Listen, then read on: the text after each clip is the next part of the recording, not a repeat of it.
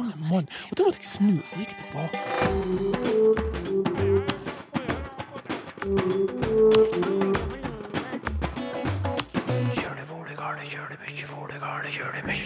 Å kaste inn håndkle stammer fra boksesporten, men mange griper heller til årene. Det å kaste inn eh, årene er jo eh, en, eh, en variant man kanskje skulle ønske man så litt mer av. Det er litt mer, sånn, litt mer fart over det. Litt mer sånn brak over det å, å gi opp ved å slenge et stort roredskap inn i en boksering. Slenge årer er én ting.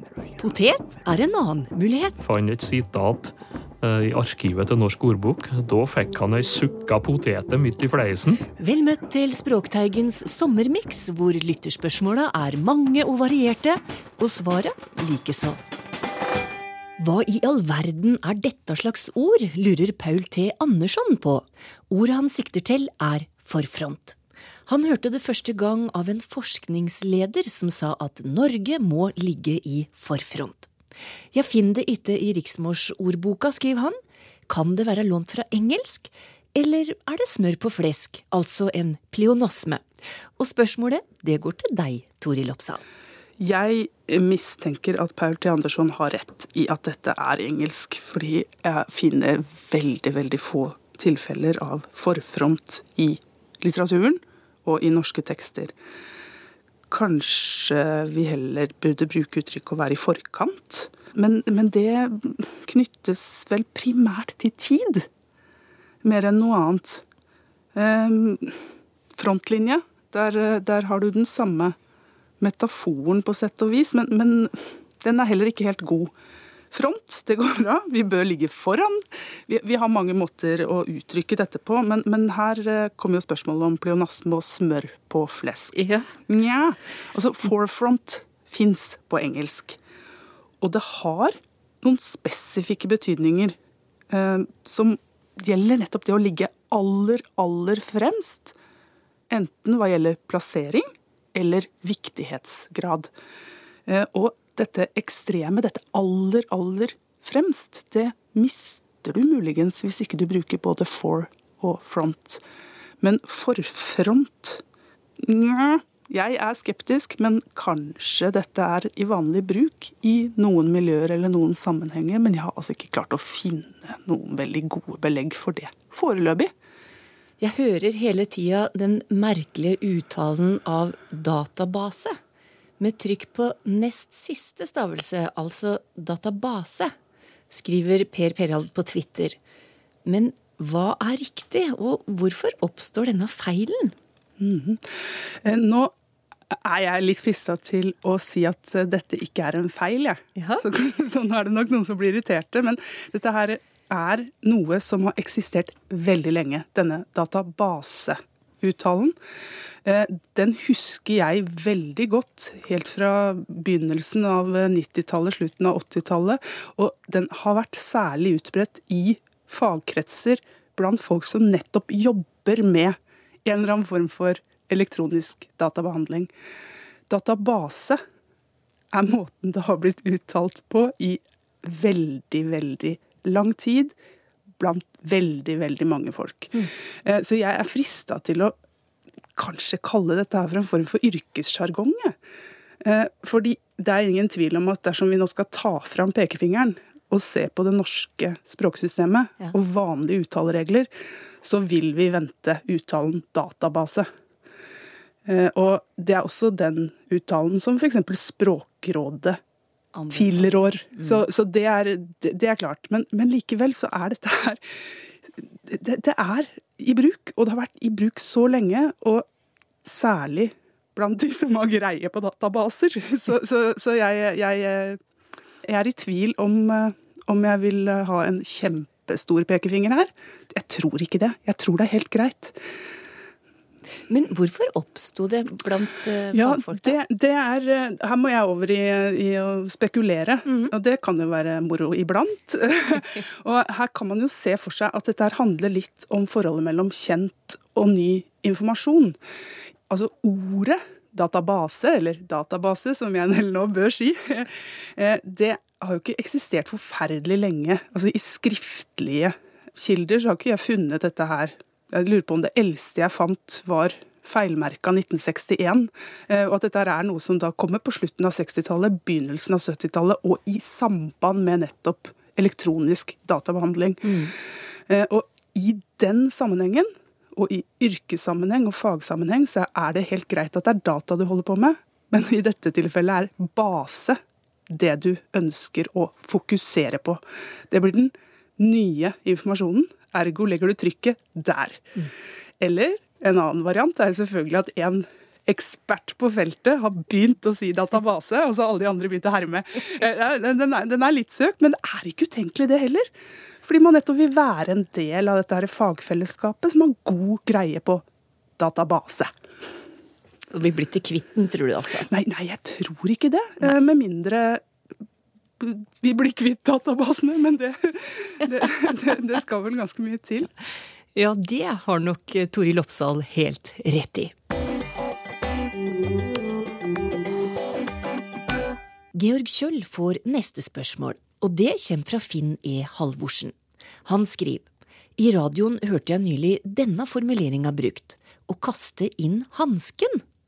En sammenblanding av to uttrykk, mener han, og noe du har hørt før, Georg? Nei, jeg har ikke hørt det før, men uh, den vanlige varianten er jo å kaste hansken. Ja. Det er ikke veldig rart at uh, man ender opp med å blande litt, fordi her er det flere uttrykk uh, som man kan bruke om det samme. Så vi kan snakke om å kaste inn håndkle, mm. som også betyr det å Eller som har noe med betydningen, det er ikke akkurat den samme, men den, den, den har jo litt med, med, samme tema å gjøre. Her handler det om å, å gi opp. Og vi snakker også om å legge inn årene eh, som det å, det å, gi opp. Så her kan vi ende opp med varianten eh, kaste inn hansken, helt åpenbart, men også eh, kaste inn årene eller legge inn håndkle, som, som er ganske vanlige misforståelser. Men å kaste inn håndkle det betyr jo at du vil gjøre slutt på noe. Men å kaste hansken er jo vel mer en start på noe? Eller? Ja, så man snakker både om å kaste hansken eller å plukke opp hansken. Og det Eh, kommer av en middelaldersk ridderskikk, hvor eh, dette med å kaste hansken var et tegn på at man utfordret eh, til kamp. Mm. Og hvis man, hvis man, var klar for den kampen, så kunne man plukke opp hansken. Så der har begge disse to uttrykkene kommet fra denne, denne felles opprinnelsen. Hvor kommer å kaste inn håndkle fra? Kaste inn håndkle kommer fra boksesporten hvor en trener kunne eh, hive inn håndkleet for å markere at eh, nå, nå, hadde, nå hadde eh, hans eh, bokser fått eh, nok. Det var, mer, det var, ikke mer, å gi. Så det var rett og slett en måte å gi opp kampen på. Mm. Så da må disse uttrykka ha kommet inn på forskjellig tid i språket vårt, da? Ja, så de har forskjellig, de har forskjellig opphav. De har forskjellig forhistorie. Um, så dette med kastehansken finner vi på engelsk også i, i Throw Down the Gauntlet. Eh, som er det, er det, samme. Gauntlet var en spesiell type hanske eh, som en del av en rustning eh, ofte. Og er Man kan kjenne igjen en del andre ord på europeiske språk, da, som ga på fransk, som betyr hanske fortsatt. Guante på spansk, eller guanto på italiensk. Og vi finner det samme ordet igjen i vante og, og vått. På en måte, det har nok en sånt felles europeisk opphav, og så har det landet på norsk eh, i denne, denne varianten kaste hansken, eller plukke opp uh, hansken. Men denne ridderskikken må være eldre enn boksekampene? Ja, mest sannsynlig. Så, så denne tradisjonen med å kaste inn håndkle gjelder jo ikke bokstavelig talt uh, lenger heller. Så det har, vært en spesifikk epoke hvor man, hvor man uh, gjorde dette. Det å kaste inn årene, som man da hører innimellom, er jo en en variant man kanskje skulle ønske man så litt mer av. Det er litt mer, sånn, litt mer fart over det. Litt mer sånn brak over det å, å, gi opp ved å slenge et stort roredskap inn i en boksering. Så det kunne egentlig vært, uh, kunne vært Jeg skulle gjerne sett at den tradisjonen kom inn i, kom inn i sporten. Ja, jeg syns det, altså. Eh, man kan jo snakke om å eh, legge inn håndkle også, hvis man skal blande sammen eh, disse uttrykkene enda, enda litt mer. Men da det høres mer ut som en boksetrener som har, har litt, er litt for opptatt av tellekanter og ordenssans, og har litt for mye ordenssans. Så jeg slår et slag for å uh, kaste inn årene, så kan vi se om noen uh, plukker opp hansken på akkurat den uh, utfordringen. Og så må vi kanskje for ordens skyld si at det heter å legge inn årene. Legge inn årene. Eh, og ikke legge inn årene, eh, som også er en, eh, også er en variant. Vi har jo tidligere snakket om tonemforskjeller på, på ord. Hvordan, man, hvordan tonelag kan gi ulik betydning. Her er det ganske mange fallgruver da, med, med, det å tenke på at eh, det er ikke roredskap det er snakk om, men, eh, men, men, tiden som går. Så Man snakker jo på engelsk om å eh, put in the years, så kanskje det er noe sånt som har ført til at vi tenker at å legge inn årene er å bare bruke veldig mye tid på en aktivitet. Det sa lingvist Georg Kjøll.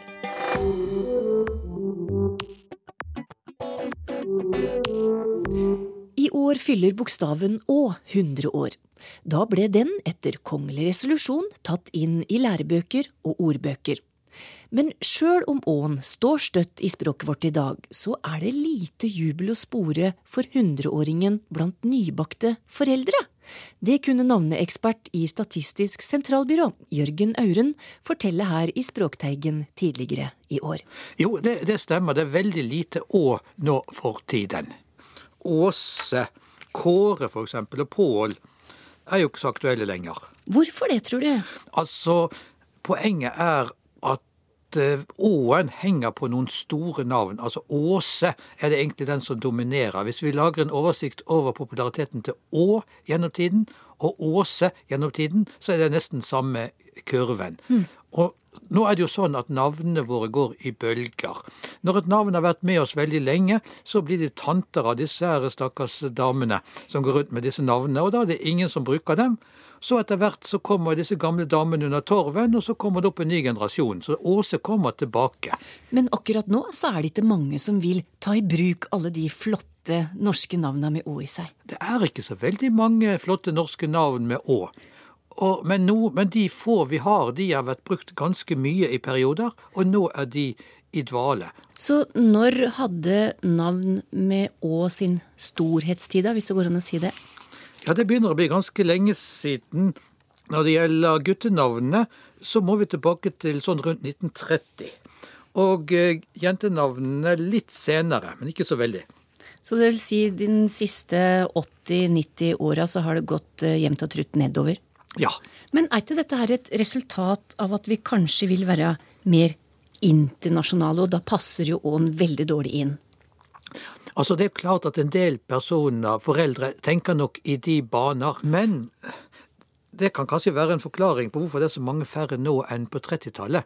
Men hvis vi ser på de siste 50 årene, så har jo folk vært stilt overfor dette problemet hele tiden. Så den nedgangen som man eventuelt ser i senere år, har ikke sånne forklaringer. Jeg tror dette er en bølge. Ja, Hvor ille står det egentlig til da, med navn eh, med Å på, på, listene nå? Det er ikke veldig mange navn.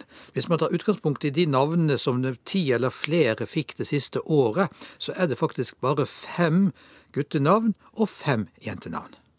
Men når det gjelder guttene, så har vi Håkon, og Håkon holder litt liv i dette her. På hvilken måte da? Altså, Grunnen til at det faktisk er noen guttenavn på Å nå, da er det stort sett Håkon vi snakker om. Og så er det faktisk ikke mindre enn 41 Håvard, så der har vi et navn til. Og i tillegg så er det Ådne, Åsmund og Pål. Mm. På jentesida, da? Da er det Vårin som er mest, men ikke mer enn 24. Så har vi Åsa. Det er litt morsomt at for navn, det er så populært med navn som slutter på A for tiden, så derfor har Åsa på en måte overtatt etter Åse. Men Åse var det tolv stykker som fikk i fjor, tross alt. Og så var det Åsne og Vår. Men du nevnte Håkon. Vet du noe om hvorfor det fortsatt holder stand? Altså, det, det er veldig nærliggende å skjelne til kongehuset her. 1905 ødela jo veldig mye for navnestatistikken, for plutselig så eksploderte ting. Ja, Hva Som, skjedde da? Jo, altså, vel, Alle disse kongenavnene ble fryktelig populære. Og så kom du til 1937, altså Harald for eksempel, hun gjorde jo et kjempehopp i 1937. Og tilsvarende med Astrid og Ragnhild. Mm. Så de, kongenavnene, de kongelige navnene betyr mye for oss? Ja, jeg tror det. fordi folk, Jeg vet jo at Håkon er navn i kongefamilien. Mm. Og generelt så blåste unionsoppløsninga liv i mange av de gamle Å-navna? Ja, i forbindelse med det, og før det, så var det jo en mobilisering av gamle, staute norske navn. Og de kommer jo inn i den sammenheng. Mm. Så da blomstra det? Ja. Men så gikk det jevnt og trutt nedover. ja. Og det, det er sånn, sånn er det med alle navn. Altså Emma, som alle små piker heter nå, det kommer om noen år til å bli et tantete navn, og ingen kommer til å bruke det. Ja, du kaller dem for tantete. Ja, de blir jo det etter hvert når disse menneskene blir 50 og 60 år og mer. Alle, alle, alle unge damer blir jo tanter. De mest populære navna nå er i alle fall William og Nora. Rundt 500 fikk det navnet i fjor. Og så har vi Oskar og Lukas og Sara og Sofie som er på navnetoppen. Men du tror altså at dem vil forsvinne etter hvert òg? Det er jeg ganske sikker på. For det er veldig rart, hvis vi ser på navnestatistikken fra 50 år tilbake, så var jo disse navnene fullstendig borte. Sofie altså du, Man tenkte vel på barnevernet hvis noen kalte barnet sitt for Sofie den gangen. Mens nå er det full mote. Sara er jo mye av det samme. Og så er det jo da Bjørg og Wenche og Grete er jo navn som nå er borte, men som kommer igjen. Hvor lang tid tror du det vil ta da før den derre vi er ute av den bølgedalen med å-navnene? Altså, vi sier at det er 120 år mellom toppene. Og hvis da Åse var på topp eh, litt ut på 30-tallet, så er det en stund til. Du har faktisk din egen lov, du, Jørgen, om dette herre. Ja, jeg har laget en navnelov, og en av paragrafene er 'ingen kaller opp etter tanter'. Og for øvrig 'ikke spør besteforeldrene'. Og 'alt gammelt blir pent, bare det blir gammelt nok'. Den siste gjelder allment, ikke bare for navn.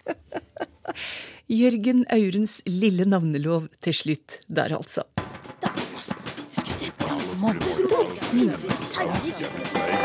Sylfest Lomheim er den neste til å svare på spørsmål, og vi skal inn i biologiens verden, der Terje Jonassen har merka seg at det finnes ei bille som heter smeller, fordi den er så god til å smelle.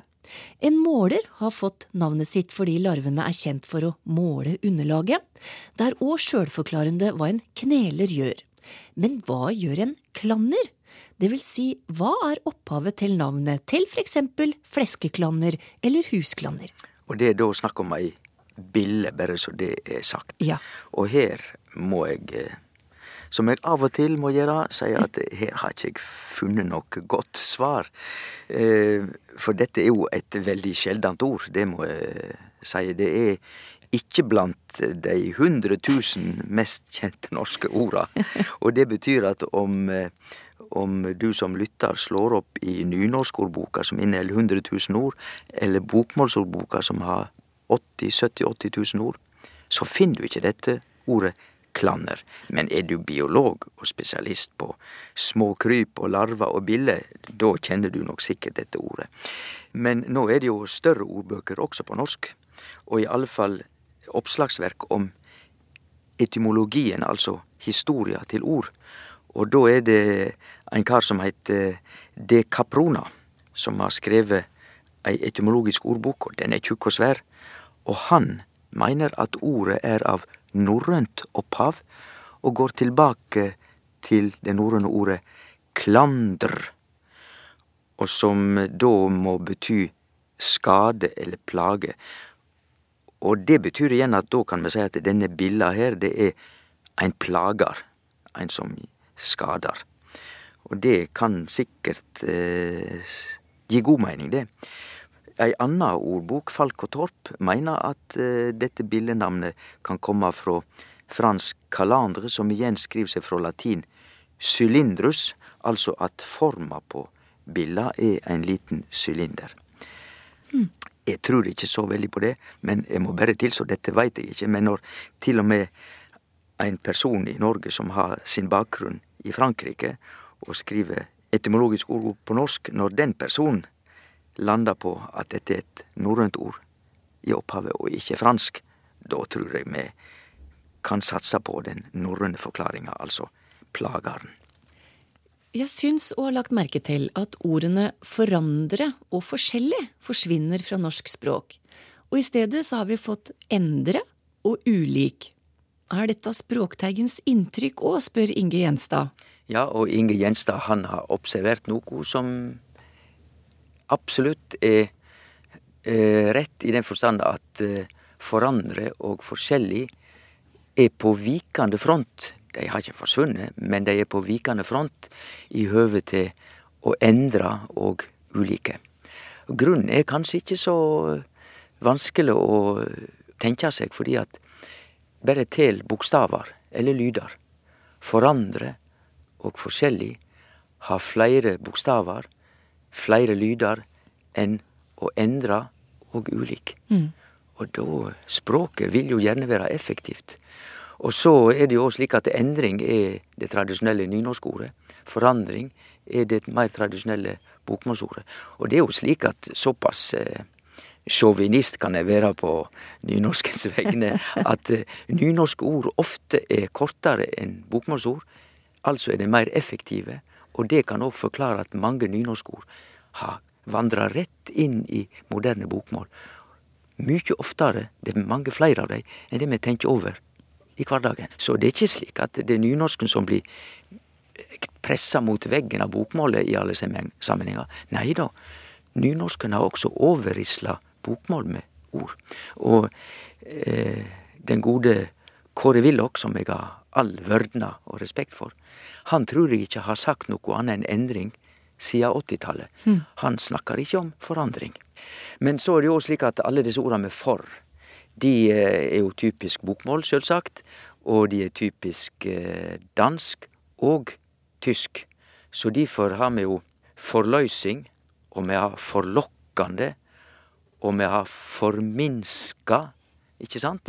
Alle disse forstavingene her, de er egentlig innlånt fra dansk-tysk.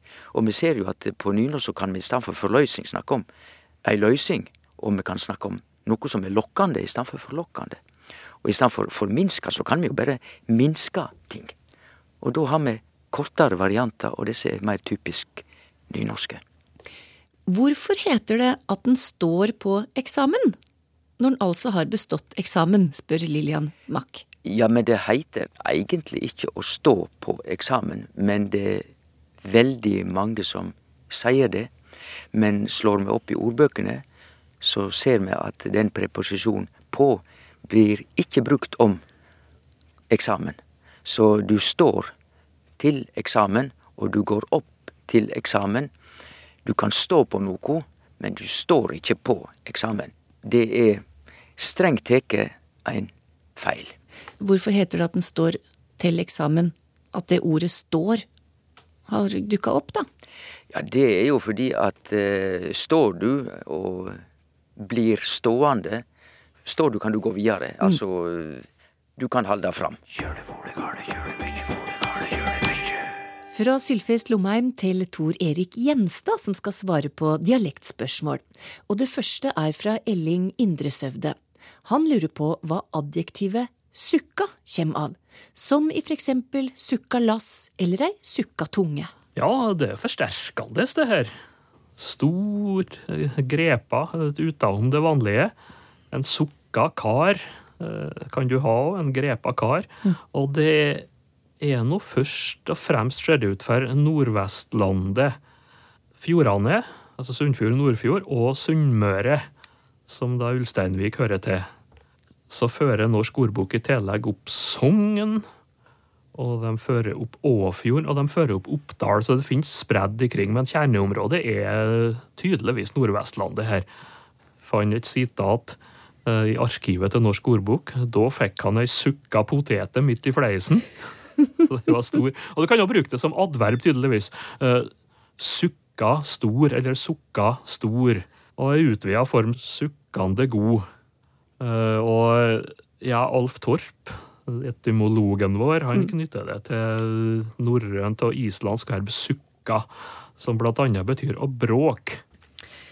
Fridtjof Eriksen skriver Her i nord har vi et ord som heter auvert. Er det sånn vi sier det, Tor Erik, tror du?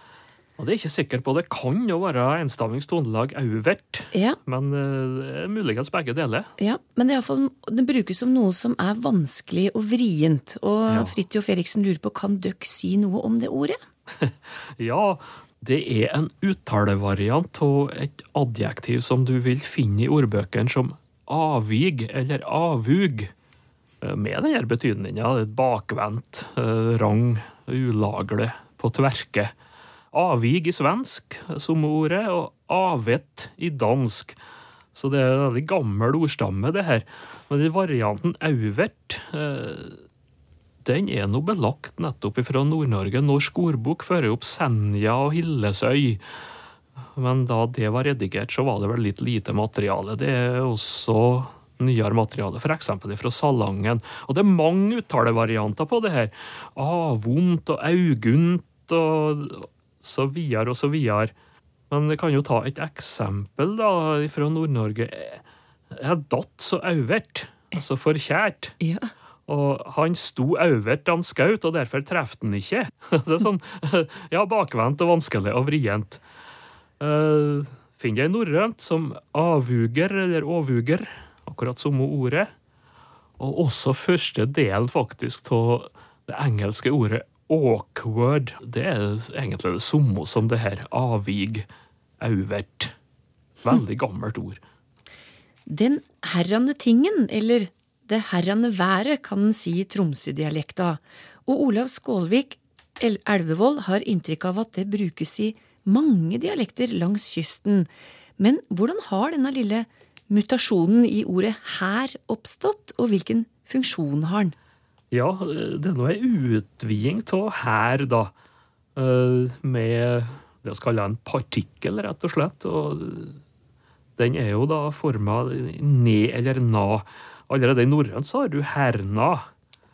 Og det er nok eh, det her som eh, er utgangspunktet for, for de her herrene og herrane og herane, herrane. Og da fungerer det i lag med det. Så det er altså det herrene og den herrene, og, og det fungerer som mm, det vi kaller demonstrativt pronomen, eller påpekende pronomen, er det sikkert mange som har lært da, etter gammel terminologi. Eh, Og det går mange steder, det. Eh, Kanskje særlig kystmål, ja. Eh, Norsk ordbok fører opp Agder, Rogaland, Sunnhordland pluss Drangedal. Eh, og så mange plasser i Nord-Norge. I Trøndelag eh, så er det jo en variant hen. Og da er det snakk om det hen og det den. Eh, altså den, det her og den der.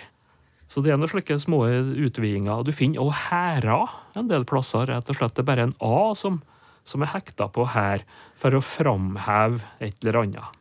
Så det er vel ikke noe stort annen forklaring på det.